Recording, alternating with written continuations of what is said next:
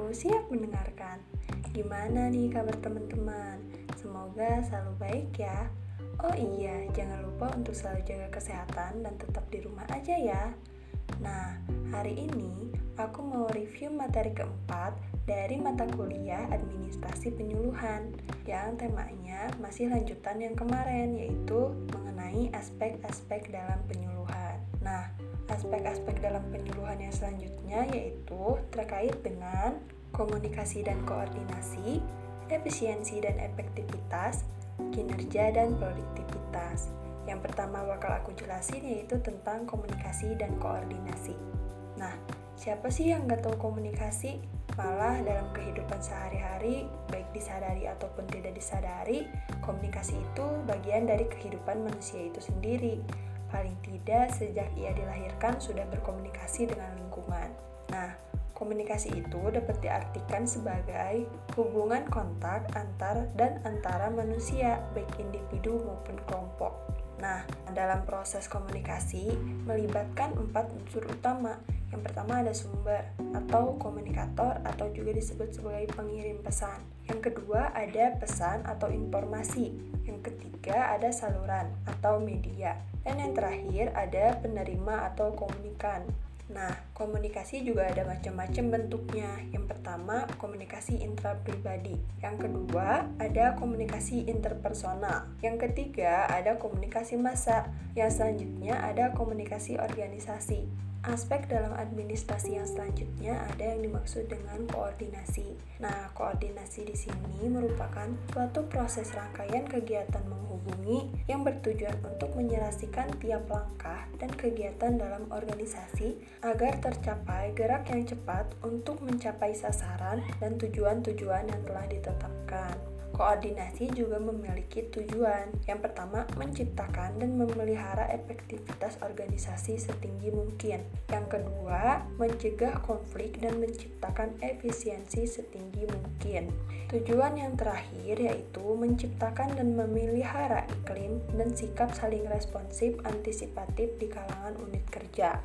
Adapun manfaat dari koordinasi ini ada empat. Yang pertama, dengan koordinasi kita bisa menghindari perasaan terlepas satu sama lain antara satuan-satuan organisasi atau antara pejabat yang ada di dalam organisasi.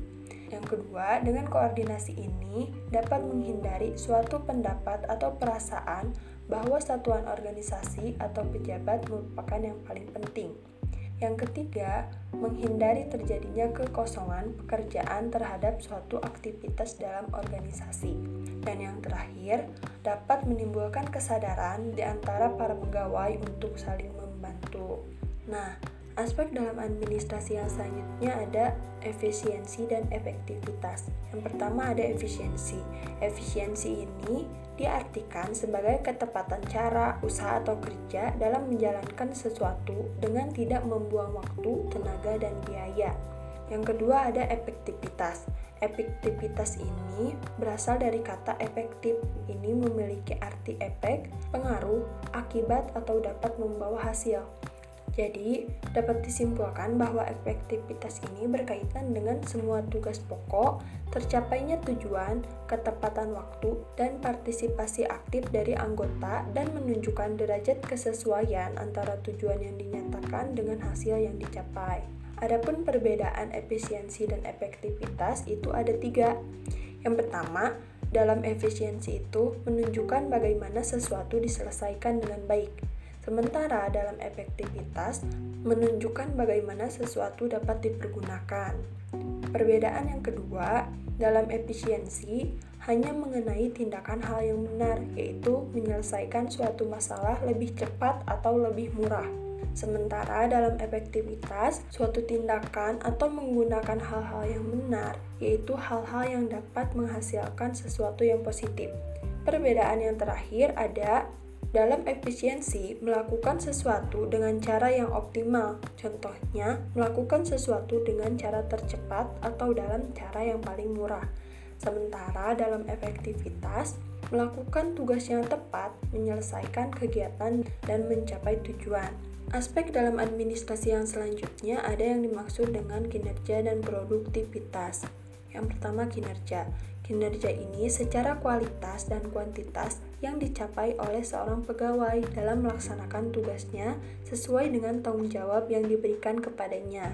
Kinerja juga dapat diartikan sebagai penampilan hasil karya personel, baik kuantitas maupun kualitas dalam suatu organisasi. Yang kedua ada produktivitas. Produktivitas ini dapat dinyatakan sebagai suatu pandangan hidup bahwa manusia haruslah berusaha untuk menciptakan hari ini lebih baik dari hari kemarin dan berusaha untuk menciptakan hari esok lebih baik dari hari ini.